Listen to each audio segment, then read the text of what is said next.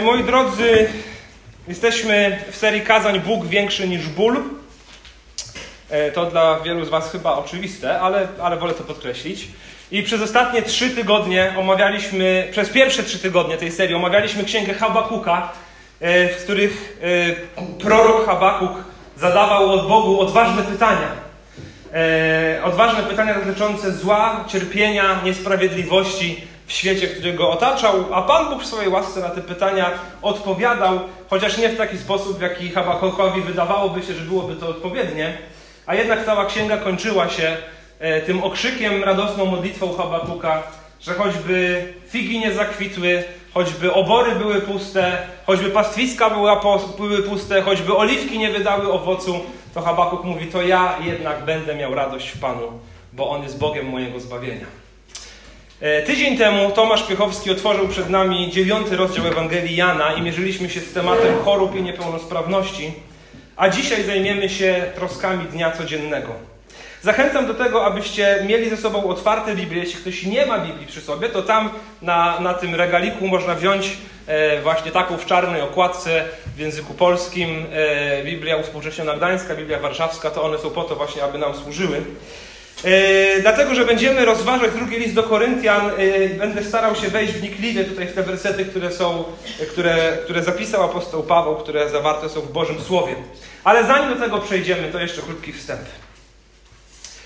Być może pamiętacie to, e, że w grudniu 2012 roku w Stanach Zjednoczonych wydarzyła się ogromna, ogromna tragedia, która dotknęła kilkadziesiąt rodzin. Do szkoły podstawowej w miejscowości Newton w stanie Connecticut w Stanach Zjednoczonych o 9 rano wszedł 20-letni chłopak i zaczął strzelać do ludzi. I udał się do pokoju, w którym znajdowali się zerówkowicze i pierwszoklasiści i zastrzelił tam 20 osób. Wydarzyło się 11 lat temu. 20, 20 dzieci w wieku 6, 6 i 7 lat i do tego 6 pracowników szkoły. Tragedia niewyobrażalna. Ja po dziś dzień pamiętam to. Jak to, kiedy to było e, e, podawane w mediach i jak bardzo mnie to dotknęło. I ciekawe było to, że stan Connecticut, który należy do jednego z najbardziej takich liberalnych stanów e, w Ameryce, e, mieszkańcy tam tego stanu słyną z, z, z, braku praktykowania jakiejś religijności, nie mówię tylko o chrześcijaństwie, ale szeroko, szeroko pojętej religijności.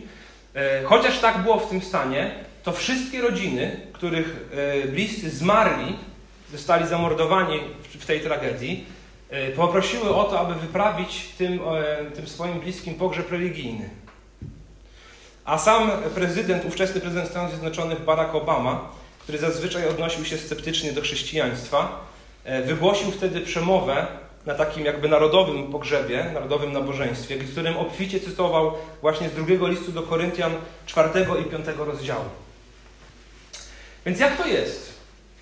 Że, że w świecie, który generalnie bardzo mocno w ostatnich latach czy dekadach odpływa od Boga, kiedy dzieje się tragedia, jednak, to jednak ludzie chcą, aby ten Pan Bóg, w którego rzekomo nie wierzą, był obecny w ich życiu. Możemy to obserwować też w ostatnich latach, na przykład kiedy zamachy muzułmańskich radykałów przez, przez kilka lat były takie bardzo powszechne w Europie, to również wtedy, kiedy działy się te tragedie, e, nie wiem czy pamiętacie, wypisywano na przykład na ulicach hashtag pray for Paris, módl się o Paryż.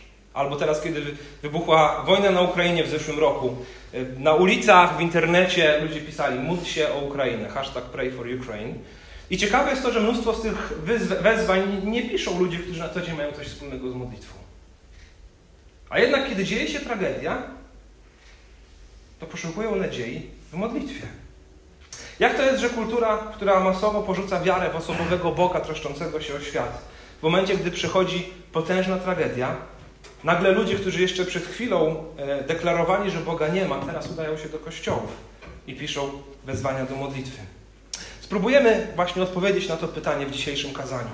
Chciałbym przyjrzeć się dzisiaj właśnie tej nadziei, której poszukują wszyscy cierpiący ludzie na tym świecie tej nadziei, której poszukują wszyscy cierpiący ludzie na tej świecie i tej nadziei, którą jako pewność mają chrześcijanie, którzy zaufali Jezusowi Chrystusowi w swoich codziennych cierpieniach. I chciałbym też powiedzieć o celu, jaki możemy obrać wtedy, kiedy cierpimy. Przyjrzymy się właśnie podejściu apostoła Pawła do cierpienia, bo jego życie rzeczywiście naznaczone było cierpieniem. Otwórzmy drugi list do Koryntian, rozdział czwarty. Rozdział czwarty. Yy, zaraz przeczytamy kilka wersetów, ale chcę jeszcze chwilę o tym drugim liście do Koryntian powiedzieć, abyśmy dobrze zrozumieli kontekst wypowiedzi apostoła Pawła. Drugi list do Koryntian to list napisany w latach 50., gdzieś w połowie lat 50. I wieku. I apostoł Paweł skierował ten list, jak sama nazwa mówi, do Koryntian, czyli do zboru, e, do chrześcijan, którzy mieszkali w Koryncie. I był to zbór, był to kościół, który apostoł Paweł sam zakładał. W gronie innych, e, w gronie jeszcze innych osób, swoich współpracowników. Ale ci ludzie, którzy tam się nawracali, to można powiedzieć jego dzieci duchowe. I minęło kilka lat, od kiedy ten kościół powstał, więc był stosunkowo jeszcze dosyć młodym kościołem, ale y, pojawili się tam jacyś nauczyciele, jacyś przywódcy, którzy zaczęli podważać autorytet apostoła Pawła i innych apostołów. Mówiąc, jeśli pamiętacie, pierwszy list, on jest taki bardzo groźny, apostoł Paweł tam bardzo piętnuje grzechy i być może wtedy właśnie pojawili się jacyś kaznodziejowie, którzy zaczęli podważać apostolstwo apostoła Pawła, y, w pewien sposób wygładzać to, co on mówi y, i podważać to, że on na przykład właśnie jest cieleśnie, to nic specjalnego. Listy wprawdzie mocne, ale z wyglądu wydawało się, tak, takie przynajmniej są przesłanki, żeby uważać, że apostoł Paweł był ciężkiej mowy. Nie wiem, czy pamiętacie, że pewnego razu w dziejach apostolskich czytamy o tym, że jak miał kazanie, ktoś zasnął i spadł z drugiego piętra. Y, czy z trzeciego? No właśnie, dziękuję bardzo. Więc zobaczcie, no to my sobie myślimy dzisiaj, ale fajnie byłoby posłać apostoła Pawła. A, no to prawda, ale nie chciałbym zasnąć na kazaniu u takiego męża Bożego. Więc w tym liście, który jest nazywany listem bolesnym, apostoł Paweł broni swojego apostolstwa. Jest to list, który ma już zupełnie inny wydźwięk niż pierwszy do Koryntian. Tutaj widać naprawdę cierpienie Pawła z powodu tego, że jego duchowe dzieci, ludzie, którym on głosił Ewangelię, którzy uwierzyli w Boga poprzez jego służbę, zaczęli podważać w ogóle jego czelność, e, czy zarzucali mu, jak to jest, że on ma czelność tutaj, aby im jakąś uwagę zwracać, aby ich, aby ich napominać. I Paweł musiał się bronić i znaczna część tego listu to jest właśnie jego obrona. Obrona e, jego i dwunastu apostołów, że oni są rzeczywiście prawdziwymi apostołami. I fragment, który przeczytamy, to wersety od 7 do 18 w czwartym rozdziale, które są właśnie częścią tego, jak Paweł się broni, w tym mówiąc, że rzeczywiście on sam w swoim ciele, on jako apostoł Paweł tak po ludzku, to nic specjalnego. Ale to, co rzeczywiście ma znaczenie, to przesłanie Ewangelii, które on głosi. Drugi list do Koryntian, rozdział 4, wersety od 7 do 18. Czytamy tam następujące słowa. Dzisiaj będę używał tłumaczenia e, Biblii Warszawskiej. Mamy zaś ten skarb w naczyniach glinianych, aby się okazało, że moc, która wszystko przewyższa, jest z Boga, a nie z nas. Zawsze uciskani, nie jesteśmy jednak pognębieni, zakłopotani, ale nie zrozpaczeni, prześladowani, ale nie opuszczeni, powaleni, ale nie pokonani. Zawsze śmierć Jezusa na ciele swoim noszący, aby i życie Jezusa na ciele naszym się ujawniło. Zawsze bowiem my, którzy żyjemy dla Jezusa, na śmierć wydawani bywamy, aby i życie Jezusa na śmiertelnym ciele naszym się ujawniło. Tak wtedy śmierć wykonuje dzieło swoje w nas, a życie w was. Mając zaś tego samego ducha wiary, jak to jest napisane, uwierzyłem, przed opowiedziałem, i my wierzymy, i dlatego też mówimy. Wiedząc, że ten, który wzbudził Pana Jezusa, także i nas z Jezusem wzbudził i razem z wami przed sobą stawi. Wszystko to bowiem dzieje się ze względu na Was, aby im więcej jest uczestników łaski, tym bardziej obfitowało dziękczynienie ku chwale Bożej. Dlatego nie upadamy na duchu, bo choć zewnętrzny nasz człowiek niszczeje, to jednak nasz wewnętrzny odnawia się z każdym dniem. Albowiem nieznaczny chwilowy ucisk przynosi nam przeogromną obfitość wiekuistej chwały. Nam, którzy nie patrzymy na to, co widzialne, ale na to, co niewidzialne Albowiem to, co widzialne, jest doczesne, a to, co niewidzialne, jest wieczne. Ten fragment wydaje się, że możemy podzielić na trzy części. Widzę tutaj tę wypowiedź apostoła Pawła właśnie w takiej następującej strukturze.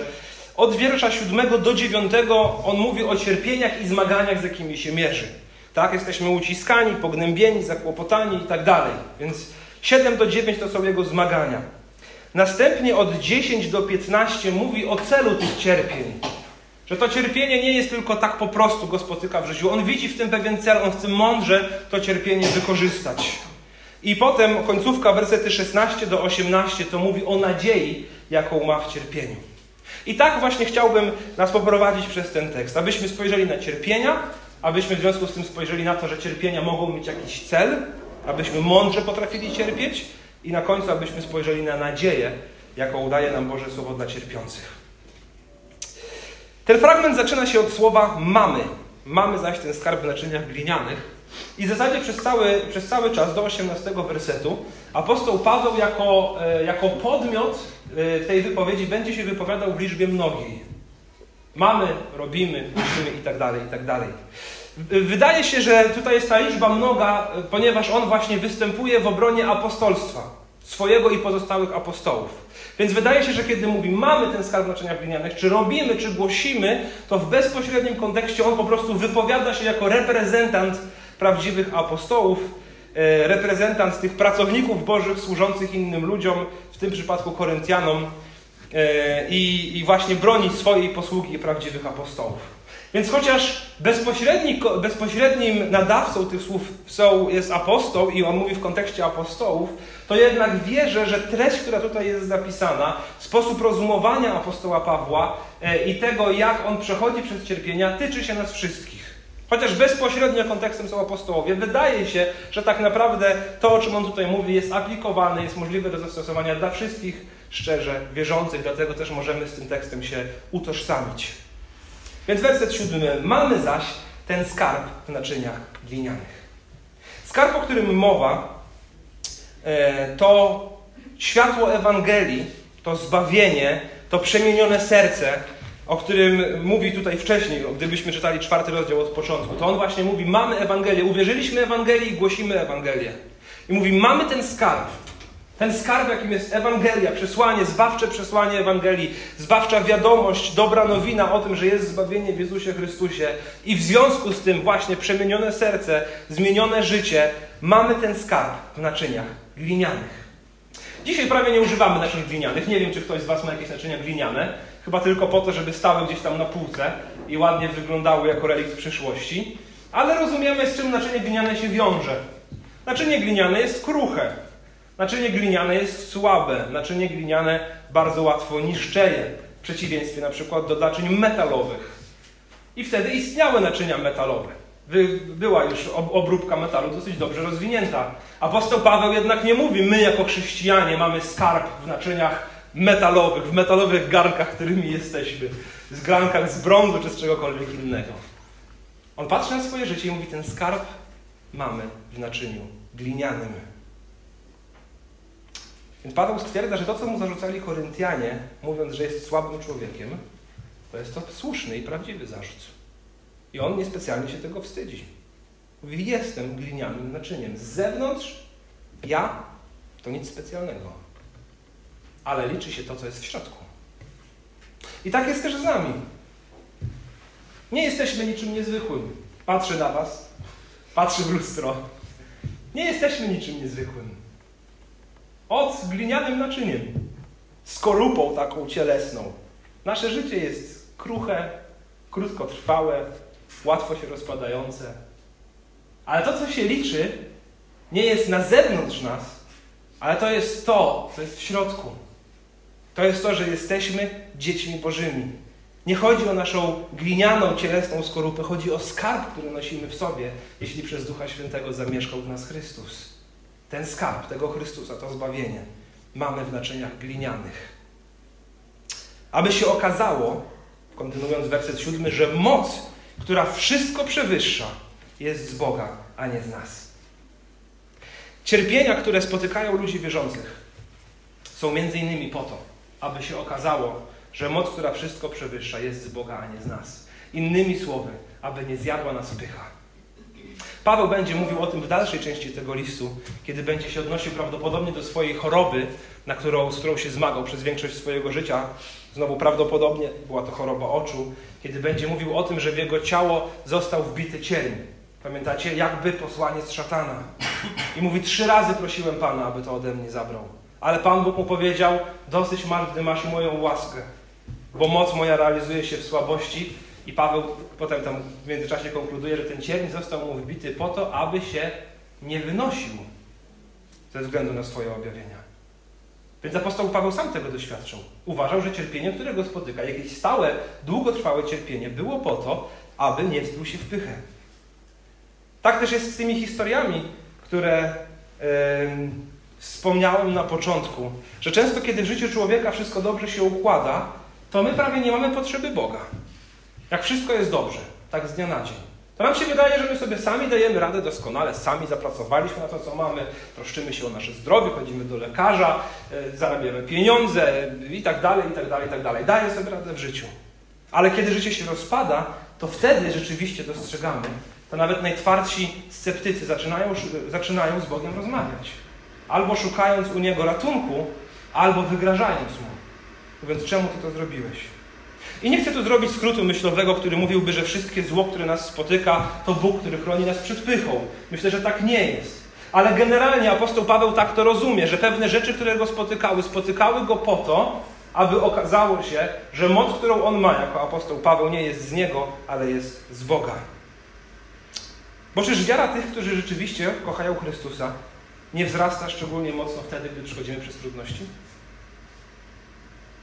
Bracia i siostry, niezależnie od tego, jak długo chodzisz z Bogiem, czy to parę miesięcy, czy to parę dekad. Kiedy Twoja wiara najbardziej wzrastała? W moim życiu? Zdecydowanie wtedy, kiedy spotykały mnie trudności. Kiedy wydawało się, że, że w ogóle jest tak ciężko, że nie da się już nad tym przejść. Że wszystko się łamie. Wtedy rzeczywiście dostrzegam, że Pan Bóg wyjątkowo mocno działał i tę wiarę oszlifowywał. Jakie to trudności, z jakimi mierzył się apostoł Paweł? Wersety 8 i 9. Zawsze uciskani, nie jesteśmy jednak pognębieni. Zakłopotani, ale nie zrozpaczeni. Prześladowani, ale nie opuszczeni. Powaleni, ale nie pokonani. Sprawdziłem znaczenia tych e, czterech trudności, z jakimi mierzy się apostoł Paweł w wersetach 8 i 9, które wspomina. Więc mówi, jesteśmy uciskani. Uciskany człowiek to taki, któremu inny człowiek chce zaszkodzić. Tak jak Izraelici w Egipcie byli sponiewierani, bici, upodleni tylko dlatego, że urodzili się w takim, a nie innym rodzinie, w takim, a nie innym narodzie, w takiej, a nie innej rodzinie. W związku z tym byli uciskani, tak po prostu, wykorzystywani przez innych. Następnie mamy słowo, jesteśmy zakłopotani. Zakłopotany człowiek to taki, który nie wie, nie rozumie tego, co, się, co go spotyka. To słowo na przykład opisuje to, co działo się z uczniami, kiedy Jezus powiedział do nich przy ostatniej wieczerzy, że jeden z, z nich zdradzi go. Pamiętacie, oni wtedy duże oczy zrobili, rozglądali się i mówili, chyba nie ja, Panie. Zaczęli sobie rozmawiać, kto to zrobi. Byli zakłopotani, nie rozumieli tego, co, e, co, co, co właśnie zostało powiedziane i co ma się wydarzyć. Trzecia rzecz, o której mówi apostoł Paweł, to prześladowanie. Prześladowanie nie oznacza jedynie religijnego prześladowania, ale wiąże się już nie tylko z uciskaniem, czyli wykorzystywaniem kogoś, ale wiąże się ze ściganiem kogoś, pragnieniem dopadnięcia go, przyłapania na czymś złym po to, żeby zrobić mu krzywdę. Trochę tak jak nasz Pan Jezus Chrystus, na którego czekali faryzeusze, żeby on coś powiedział, żeby coś zrobił, znaczy można by go przyłapać i w związku z tym skazać go na śmierć. I w końcu czwarte słowo to słowo powaleni. Oznacza dokładnie tak, jak można by dosłownie zastosować, jak, jak drzewo, które się ścina. Które przed chwilą jeszcze stało, zdrowe, odżywcze i nagle leży na ziemi, powalone. Ponownie można by przywołać Józefa z Księgi Rodzaju, któremu jak już się wydawało, że wszystko jest dobrze, to przychodził taki cios, że wydawało się, że Pan Bóg o mnie zapomniał. Z górki i potem znowu pod taką górę podjechać, jak to sobie poradzić. Więc drodzy, czy czujecie się tak czasami? Uciskani przez kogoś, kto chce wam zaszkodzić. Zakłopotani, nierozumiejący, dlaczego coś się dzieje w waszym życiu i co to oznacza. Prześladowani, kiedy ktoś chce was na czymś przyłapać. Albo po prostu powaleni. Zupełnie rozwaleni jakąś sytuacją. Bo wydawało się już, że idzie dobrze. A tu wszystko się rozpadło. Apostoł Paweł przez to przychodził. On wie, co to znaczy. Ale też zobaczcie, za każdym razem, kiedy wymienia te cztery rzeczy, to pokazuje, że one nie są końcem. Nie jesteśmy, do tego dodaję, pognębieni, nie jesteśmy zrozpaczeni, nie jesteśmy opuszczeni i nie jesteśmy pokonani. Chociaż jesteśmy prześladowani, uciskani itd., tak itd., tak to nie jesteśmy pognębieni, zrozpaczeni, opuszczeni i pokonani. Jak to możliwe? Jak to możliwe, że zawsze udaje się powstać? Bo szczerze mówiąc, patrząc na moje życie, to nie wiem, czy potrafię tak powtórzyć wszystko za apostołem Pawłem. Nigdy nie zrozpaczony i nigdy nie powalony i nigdy nie, e, no, niezwyciężony. Odpowiedź wydaje się w tym właśnie, na co on wskazuje. Odpowiedź jest w tym, że po pierwsze apostoł Paweł pokazuje, że naszym skarbem, który ma moc przeprowadzić nas przez trudności i cierpienia, który wszystko przewyższa, jest Bóg. Ten skarb mamy w naczyniach glinianych, aby się okazało, że moc, która wszystko przewyższa, jest z Boga, a nie z nas. I tak zacząłem sobie analizować swoje życie, kiedy właśnie ja nie potrafię powstać z jakiegoś, jakiejś trudności, czy coś mnie zupełnie rozwala. To rzeczywiście dzieje się tak wtedy, dlatego że ja nie myślę o Bogu, który jest tam, tylko myślę o problemie, który mnie spotkał. I myślę sobie, Panie Boże, znaczy nawet nie myślę właśnie, Panie Boże. Myślę sobie, nie tak to miało wyglądać. Spodziewałem się czegoś innego. Należy mi się coś innego. Staram się tak bardzo. Powinno być inaczej. I jak już tak się na tym swoim problemie zafiksuję i tak się nacierpię, to wtedy przychodzi mi refleksja, a może byś Samuel zrobił z tym, co wiesz, co powinieneś zrobić i poszedł z tym do Pana Boga? Dlatego tak często czuję się w swoim życiu jednak powalony. Myślę, że to właśnie z tego powodu, że patrzę na siebie, a nie na Boga. Apostoł Paweł mówi, spotykają nas cierpienia, możemy powstać, aby się okazało, że mądrość czy siła, moc, która wszystko przewyższa, jest z Boga, a nie z nas. Ale za chwilę okaże się jeszcze więcej, jak to jest, że można powstać. Wersety 10 do 12. Paweł mówi o celu cierpienia. Więc mieliśmy najpierw cierpienie, teraz cel cierpienia. Paweł mówi, jesteśmy zawsze śmierć Jezusa na ciele swoim noszący, aby i życie Jezusa na ciele naszym się ujawniło. Zawsze bowiem my, którzy żyjemy dla Jezusa, na śmierć wydawani bywamy, aby i życie Jezusa na śmiertelnym ciele naszym się ujawniło. Tak wtedy śmierć wykonuje dzieło swoje w nas, a życie w was. Trochę zaplątany jest ten fragment, ale wydaje się, że apostoł Paweł tutaj rozumie cel swojego cierpienia i widzi i porównuje swoje życie do życia Jezusa. I widzi, że w swoim doświadczeniu, że takie te rzeczy, przez które on, których on doświadcza, przez jakie przechodzi, że przez podobne przechodził Jezus. Nasz Pan również był uciskany, zakłopotany, prześladowany, ostatecznie na krzyżu Golgoty powalony, chociaż wiemy, że nieskutecznie, bo zmartwychwstał i przez ten krzyż Golgoty zwyciężył, ale on rzeczywiście tam na tym krzyżu umarł. Naprawdę tam umarł. Ale jego cierpienia, cierpienia Jezusa na krzyżu przyniosły obfitość błogosławieństw dla nas, tych, którzy uwierzyli, tych, za których On oddał swoje życie. Więc cierpienia Jezusa w Jego życiu doprowadziły do błogosławieństwa dla wielu. I wydaje się, że w tych wersetach apostoł Paweł podobnie patrzy właśnie na swoje życie. Mówi, jesteśmy zawsze śmierć Jezusa na swoim ciele noszący, aby i życie Jezusa na ciele naszym się ujawniło. Zawsze my, którzy żyjemy dla Jezusa, na śmierć wydawani bywamy, aby i życie Jezusa w śmiertelnym ciele naszym się ujawniło. Tak wtedy śmierć wykonuje dzieło swoje w nas, a życie w was, Koryntianie. Te cierpienia, śmierć, boleści wykonują swoje dzieło w nas, apostołach, ale dzięki temu życie wykonuje swoje dzieło w was. Kiedy mówi o tym, że nosi cierpienia na swoim ciele, oczywiście nie ma tutaj żadnej mowy o jakichś mistycznych stygmatach. Raczej po prostu o cierpieniach właśnie takich, jakich doświadczał Chrystus. W wersecie 11 e, właśnie mówi o tym, że tu chodzi o, po prostu o życie Chrystusa. I w wersecie 12 doprecyzowuje cel jego cierpienia. Po to, aby życie wydało owoc w tych, dla których on cierpi. Jest gotowy doświadczać trudności na sobie, aby wynikły z tego błogosławieństwa, albo jak on mówi, życie dla innych.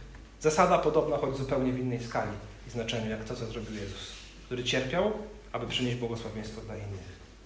Więc apostoł Paweł rozumie swoje cierpienie jako służbę, jako służbę, aby inni mogli jeść z tego owocu, z owocu jego cierpienia. Jest prześladowany, uciskany z powodu głoszenia Ewangelii. To dlatego on cierpi. I mówi: Jestem gotowy to cierpieć, Bo chcę, aby ta Ewangelia wydała w was dobry owoc.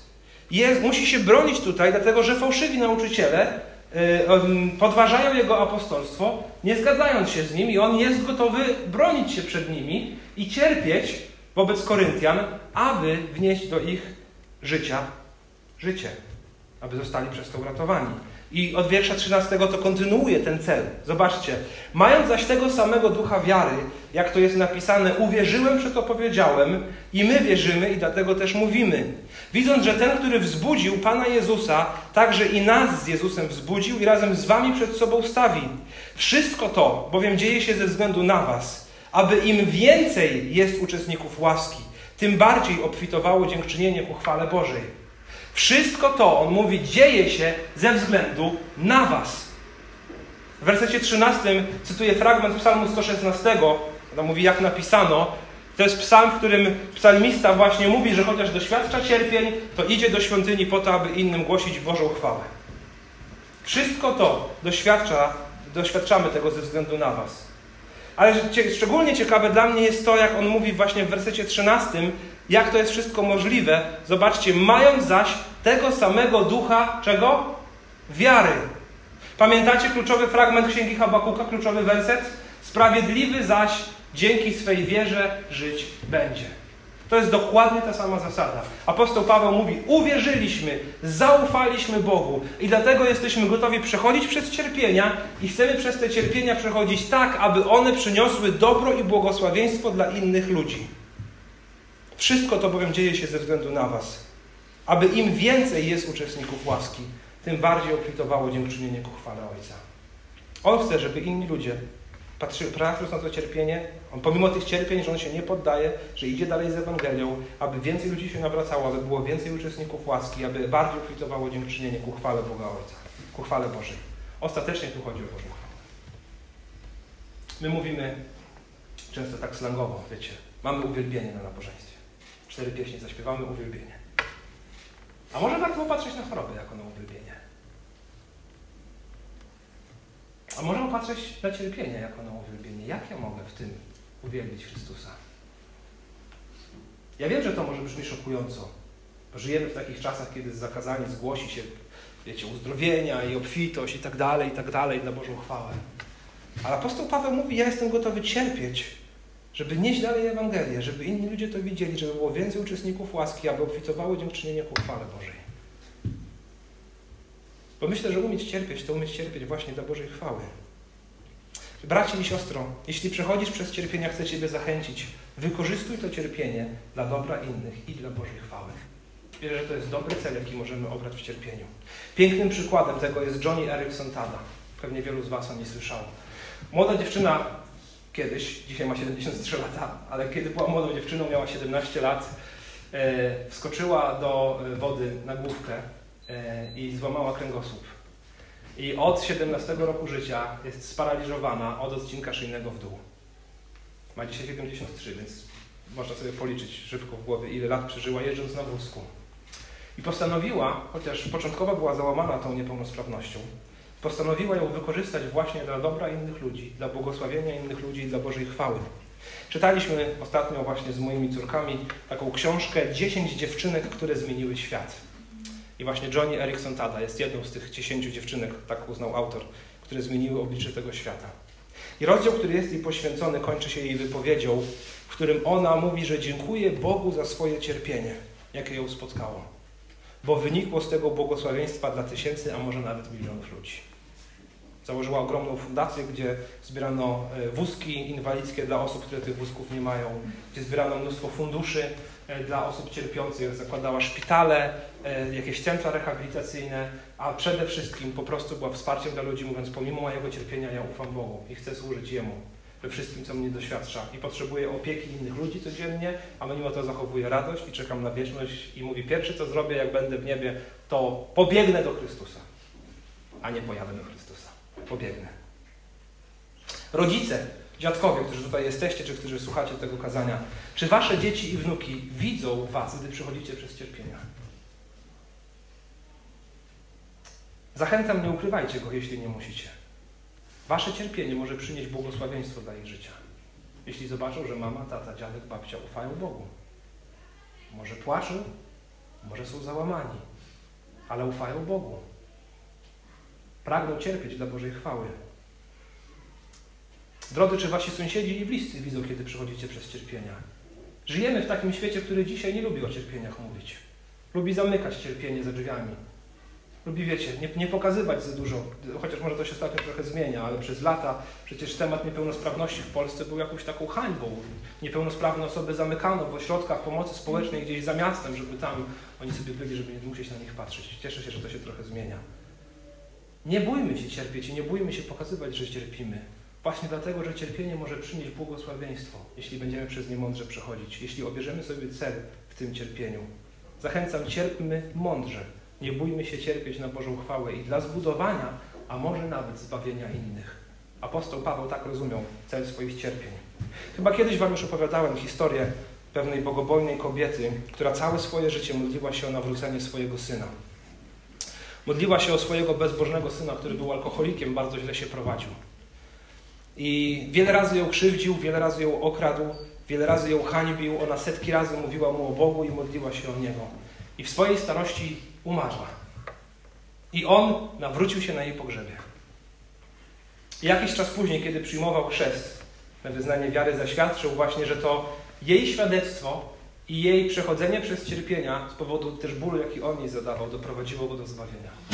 Było obrazem tego, że Bóg rzeczywiście jest prawdziwy, skoro jego mama jest gotowa cały czas go kochać, cały czas się o niego modlić, cały czas mówić mu o Jezusie, cały czas go próbować z tego wyciągnąć e, e, i w tym wszystkim przebaczać mu właśnie cierpienia, które on zadawał. Więc apostoł Paweł najpierw mówił o cierpieniach z pozycji człowieka wierzącego, świadomego, że nosi skarb, jakim jest Ewangelia, jakim jest zbawienie w naczyniu glinianym w swoim ciele. Potem mówił o różnych cierpieniach, z jakimi się zmaga. Potem mówił o tym, że na wzór Chrystusa chce cierpieć dla dobra innych i dla Bożej chwały. Jest to możliwe tylko dzięki wierze, dzięki zaufaniu Bogu. I przechodzimy do ostatniej części, wersetów 16 do 18, gdzie Paweł pokazuje właśnie konsekwencje takiego myślenia, obranie sobie celu w cierpieniu i pokazuje nadzieję w cierpieniu. 16 do 18, ostatnie trzy wersety. Dlatego nie upadamy na duchu, bo choć zewnętrzny nasz człowiek niszczeje, to jednak nasz wewnętrzny odnawia się z każdym dniem. Albowiem nieznaczny chwilowy ucisk przynosi nam przeogromną obfitość wiekuistej chwały. Nam, którzy nie patrzymy na to, co widzialne, ale na to, co niewidzialne. Albowiem to, co widzialne, jest doczesne, a to, co niewidzialne, jest wieczne. Dlatego nie upadamy na duchu. Dlatego nie poddajemy się, nie ulegamy słabościom, nie opuszczamy warty, nie rezygnujemy. Dlaczego? Bo chociaż zewnętrzny nasz człowiek to gliniane naczynie niszczeje, to jednak nasz wewnętrzny, ten związany ze skarbem, odnawia się z każdym dniem. Wewnętrzny nasz człowiek to właśnie ta nasza dusza, to nasze prawdziwe ja. Nie to, co widoczne, ale to, co niewidzialne. Nasz rozum, nasze emocje, nasz charakter, nasze pragnienia. Wewnętrzny człowiek odnawia się z każdym dniem. Staje się każdego dnia świeży. Wydaje mi się, że te słowa o tym, że, że ten wewnętrzny człowiek odnawia się każdego dnia, to są, to są pewne echa, bo nie bezpośredni cytat, z Księgi Trenów. Pamiętacie Księgę Trenów? Księga pełna lamentu, napisana przez proroka Jeremiasza w czasie oblężenia przez Babilon. Ci, którzy byli na kazaniach z Księgi Habakuka, znają kontekst cały historyczny. Jeremiasz tam był zamknięty w tej Jerozolimie i oglądał śmierć i zniszczenie w Jerozolimie. I pisze tam o hańbie, o dzieciach umierających z głodu na ulicach, o, ludo, o ludożerstwie, które tam występowało z, właśnie z głodu, o niewyobrażalnych i strasznych rzeczach. Przez pięć rozdziałów. Stąd ta księga nazywa się również księgą lamentacji, bo to jest rzeczywiście jeden wielki lament. Ale w samym sercu tej księgi, w samym środku, w trzecim rozdziale, napisane są następujące słowa. Treny 3, 22 do 33 przeczytamy. Posłuchajcie, w księdze lamentacji trenów. Niewyczerpane są objawy łaski Pana. Miłosierdzie Jego nie ustaje. Każdego poranku objawia się na nowo. Wielka jest wierność Twoja. Tak jak apostoł Paweł mówił, każdego dnia na nowo odnawia się ten, ten wewnętrzny człowiek. Tutaj Jeremiasz mówi, każdego poranku objawia się na nowo. Wielka jest wierność Twoja. I dalej kontynuuje. Pan jest moim działem, mówi dusza moja, dlatego w nim mam nadzieję. Dobry jest Pan dla tego, kto mu ufa, dla duszy, która go szuka. Dobrze jest czekać w milczeniu na zbawienie Pana. Dobrze jest, gdy mąż nosi jarzmo w młodości. Niech siedzi w samotności i milczy, gdy Pan je nań wkłada. Niech przytyka swe usta do prochu, może jest jeszcze nadzieja. Niech nadstawia policzek temu, kto go bije. Niech się nasyca z niewagą, albowiem Pan nie odrzuca na wieki. Gdy zasmuca, znowu się lituje według obfitości swojej łaski. Zaiste nieumyślnie trapi i zasmuca synów ludzkich. Jeremiasz doskonale sobie zdawał sprawę z tego, że to, co oni cierpią w Jerozolimie, jest wynikiem ich grzeszności jest to Boży dopust czy, czy, czy Boży sąd nad Jerozolimą. Ale jednocześnie pośród tego cierpienia mówi, każdego dnia odnawia się łaska Boża. Dobry jest Pan. Dobrze jest czekać w milczeniu na Jego ratunek. Bo gdy Pan zasmuca, to też się lituje według obfitości swojej łaski. Bóg nie porzuca swoich dzieci. Nawet gdy zsyła albo dopuszcza próby i tragedie, On jest w nich obecny. To jest jedna z najważniejszych prawd chrześcijaństwa. Bóg nie jest Bogiem, który się mści, nie jest Bogiem, który miażdży dla przyjemności, nie jest Bogiem, który chce zadawać ból dla swojej przyjemności. Nie jest takim Bogiem. Jest Bogiem, który współczuje swoim dzieciom, jest Bogiem, który odczuwa, jest Bogiem, który stale obdarza łaską, jest Bogiem, który jest wierny. Nawet gdy tymczasowo tego nie widzimy, nawet gdy wydaje się, że On nas porzucił, nawet gdy wydaje się, że On nas zapomniał, to On jest. Skąd wiemy, że On jest? Bo On jest Bogiem, który stał się człowiekiem przeszedł przez to wszystko, z czym my się mierzymy. Został doświadczony, jak my we wszystkim, z wyjątkiem grzechu. Nasz Bóg jest Bogiem, przez którego i dla którego wszystko zostało stworzone. On wie, co się z nami dzieje. On wie, jak jest to bolesne, bo sam tego doświadczał i on zapewnia swoje dzieci o swojej łasce. Paweł zaczął ten fragment o trudnościach, mówiąc: Mamy ten skarb w naczyniach glinianych, aby się okazało, że moc, która wszystko przewyższa, jest z Boga, a nie z nas. Z Boga, a nie z nas. Sam sobie nie poradzisz z problemami. Jest tylko jeden, który ma nad nimi moc. Bóg Ojciec, Syn Boży i Duch Święty. W nim jest moc i w nim jest łaska, i w nim jest wierność i w nim jest miłosierdzie. I zewnętrzny nasz człowiek może umierać, ale wewnętrzny dzięki tej łasce będzie odnawiał się każdego dnia. Poprzez zaufanie Bogu. Ale to nie wszystko. Pocieszenie płynie dalej. Albowiem nieznaczny chwilowy ucisk przynosi nam przeogromną obfitość wiekuistej chwały. Nam, którzy nie patrzymy na to, co widzialne, ale na to, co niewidzialne. Albowiem to, co widzialne jest doczesne, a to, co niewidzialne jest wieczne. To znaczy, że nie tylko pierwszym pocieszeniem jest to, że Bóg jest z nami w cierpieniach, nie tylko to, że one mogą być błogosławieństwem dla innych, ale jest coś jeszcze więcej. Wersety 17 i 18, spójrzcie na nie, zachęcam do swoich Biblii, pokazują nam, że w życiu chrześcijanina nie ma czegoś takiego jak bezsensowne cierpienie. Jak cierpienie, które po prostu jest, które po prostu człowieka spotyka. Bo Paweł mówi, nieznaczny chwilowy ucisk przynosi nam, produkuje, jego końcem będzie przeogromna obfitość wiekuistej chwały. W życiu chrześcijanina nie ma bezsensownego, pustego cierpienia. Ale nieznaczny chwilowy ucisk przynosi nam przeogromną obfitość wiecznej chwały. Wedle tych wersetów Ucisk, trud, ból, cierpienie, prześladowanie przynosi przeogromną obfitość wiekuistej chwały. I ten ucisk tutaj jest nazwany nieznacznym i chwilowym. Cierpienia, chwa... Cierpienia apostoła Pawła bynajmniej nie były nieznaczne i chwilowe. Trwały przez całe życie. Ale on mówi z perspektywy wieczności, jak już tam będę, i dostąpię przeogromnej obfitości wiecznej chwały, to kiedy spojrzy na ten ucisk, będzie on się wydawał nieznaczny i chwilowy. Bo z perspektywy wieczności, cóż to jest kilka dekad naszego życia? Kiedy trafimy do nieba, to to, co tu przeżywamy, będzie naprawdę wydawało się nieznaczne i chwilowe. I co najważniejsze właśnie w tym wszystkim, może nie najważniejsze, ale, ale dla mnie niezwykle pocieszające, nie ma bezsensownego cierpienia. Każdy ból, każda choroba, każde cierpienie, każdy smutek przynosi nam przeogromną obfitość wiekuistej chwały.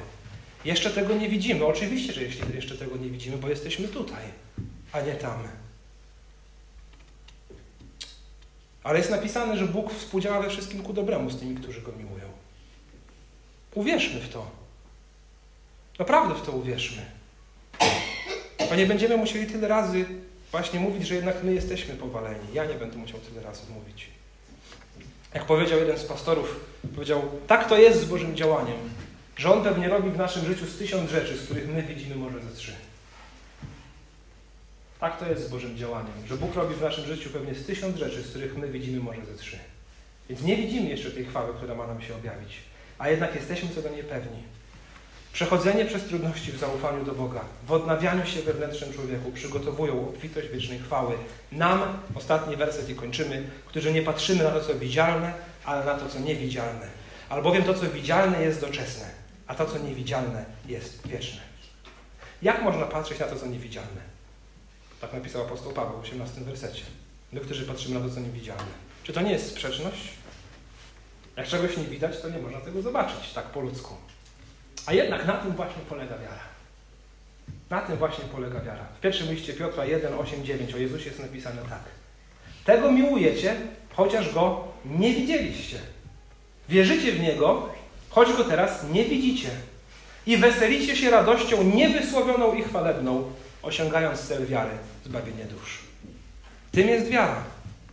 Patrząc na moje życie, drodzy, nie widziałem na oczy Jezusa Chrystusa.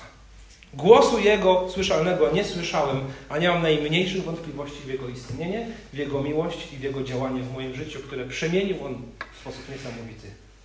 Chwały Bożej namacalnie nie widziałem, a jednak myśl o niej powala mnie na kolana. W wieczności nie byłem, nowego nieba i nowej ziemi nie widziałem, a nie mam najmniejszych wątpliwości, że to, co wieczne przygotował Bóg i przygotowuje dla tych, którzy Go miłują. To, co dzisiaj jest niewidzialne, za parę lat będzie dla nas bardzo realne. Za parę lat nie jest żadne proroctwo, że Jezus przyjdzie za chwilę, za parę lat to znaczy, że jak nas tam Pan Bóg już powoła. Albo przyjdzie za chwilę, daj nam Panie Boże. To, co dzisiaj niewidzialne, będzie za jakiś czas dla nas bardzo realne. Na tym chcę skupiać swój wzrok.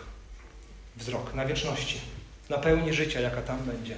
Na tym, że zmierzam właśnie tam, gdzie śmierci już nie będzie ani smutku, ani krzyku, ani mozoły. Celowo wybrałem tą pieśń, którą śpiewaliśmy przed wieczerzą. Tylko dotrzeć tam, tylko wytrwać w nim, z wiarą w końcu dni, znalezionym być. Na tym chcę skupiać swój wzrok. Więc drodzy, cierpienia w życiu chrześcijanina nie są przerwą czy wyrwą w jego życiu. Cierpienia w życiu chrześcijanina to nie jest przerwa czy wyrwa w jego życiu. Cierpienia w życiu chrześcijanina są czymś zupełnie normalnym. Czymś trudnym, ale normalnym. Ale również radość chrześcijańska nie jest czymś, co zdarza się z przerwami. Zbawienie nie jest czymś, co zdarza się z przerwami.